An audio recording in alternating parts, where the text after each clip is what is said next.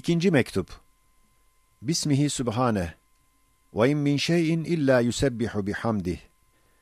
O mezkür ve malum talebesinin hediyesine karşı cevaptan bir parçadır. Salisen. Bana bir hediye gönderdin.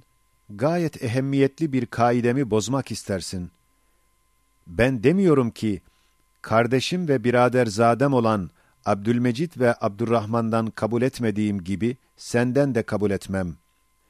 Çünkü sen onlardan daha ileri ve ruhuma daha yakın olduğundan, herkesin hediyesi reddedilse, seninki bir defaya mahsus olmak üzere reddedilmez.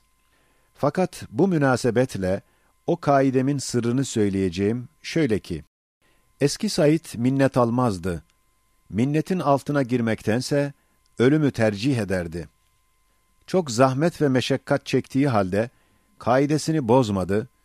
Eski Said'in senin bu biçare kardeşine irsiyet kalan şu hasleti ise tezehhüt ve suni bir istina değil, belki dört beş ciddi esbaba istinat eder. Birincisi, ehli dalalet, ehli ilmi, ilmi vasıtayı cer etmekle ittiham ediyorlar. İlmi ve dini kendilerine medar maişet yapıyorlar deyip, insafsızcasına onlara hücum ediyorlar.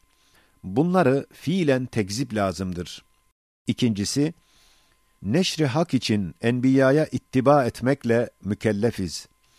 Kur'an-ı Hakîm'de hakkı neşredenler in ecriye illa alallah in ecriye illa alallah diyerek insanlardan istina göstermişler. Sure-i Yasin'de İttebi'u men la yes'elukum ecran ve hum muhtedun cümlesi meselemiz hakkında çok manidardır. Üçüncüsü, birinci sözde beyan edildiği gibi Allah namına vermek, Allah namına almak lazımdır. Halbuki ekseriya ya veren gafildir, kendi namına verir, zımni bir minnet eder. Ya alan gafildir, mün'imi hakikiye ait şükrü, senayı zahiri esbaba verir, hata eder. Dördüncüsü, tevekkül, kanaat ve iktisat öyle bir hazine ve bir servettir ki, hiçbir şey ile değişilmez. İnsanlardan ahzı mal edip, o tükenmez hazine ve defineleri kapatmak istemem. Rezzak-ı Zülcelal'e yüzbinler şükrediyorum ki, küçüklüğümden beri beni minnet ve zillet altına girmeye mecbur etmemiş. Onun keremine istinaden, bakiye ömrümü de o kaide ile geçirmesini rahmetinden niyaz ediyorum. Beşincisi, bir iki senedir çok emareler ve tecrübelerle kat'i kanaatim oldu ki, halkların malını, hususan zenginlerin ve memurların hediyelerini almaya mezun değilim. Bazıları bana dokunuyor, belki dokunduruluyor, yedirilmiyor. Bazen bana zararlı bir surete çevriliyor. Demek gayrın malını almamaya manen bir emirdir ve almaktan bir nehidir. Hem bende bir tevahhuş var.'' Herkesi her vakit kabul edemiyorum. Halkın hediyesini kabul etmek, onların hatırını sayıp istemediğim vakitte onları kabul etmek lazım geliyor. O da hoşuma gitmiyor.